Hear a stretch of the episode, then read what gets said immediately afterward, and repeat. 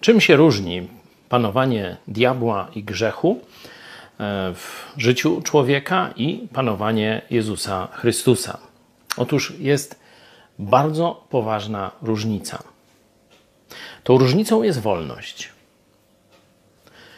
Grzeszną naturę odziedziczyliśmy po naszych prarodzicach, po Adamie i Ewie. I ona powoduje, że z natury, jak mówi Pismo Święte, jesteśmy sługami grzechu.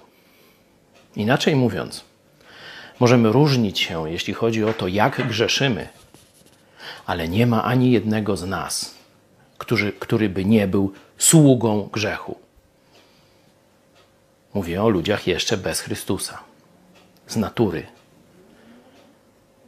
Czyli inaczej mówiąc, mamy takie rzeczy, mówię o niewierzących, o swoim życiu, kiedy nie znałem Jezusa, którym chętnie i z lubością się oddajemy, wiedząc, że są złe.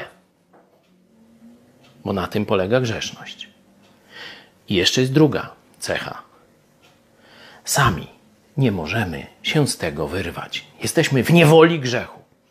W tym sensie jesteśmy w niewoli zła, w niewoli diabła. Chcielibyśmy robić dobrze? Nie ma szans, żebyśmy sami złamali tę niewolę. Możemy tylko zmieniać grzechy, tu się poprawiać, tam się pogarszać, ale nigdy sami nie zerwiemy z grzechem. Panowanie Jezusa Chrystusa jest całkowicie inne. Jezus wyzwolił nas, złamał kajdany, wyzwolił nas z niewoli grzechu. Dał nam już ratunek na wieki. Przygotował nam mieszkanie w niebie. A teraz mówi do każdego z nas: Jeśli chcesz, możesz iść za mną. Nie, że zasłużysz na niebo, bo już ci go dałem, tylko dlatego, że kochasz dobro, że mnie kochasz.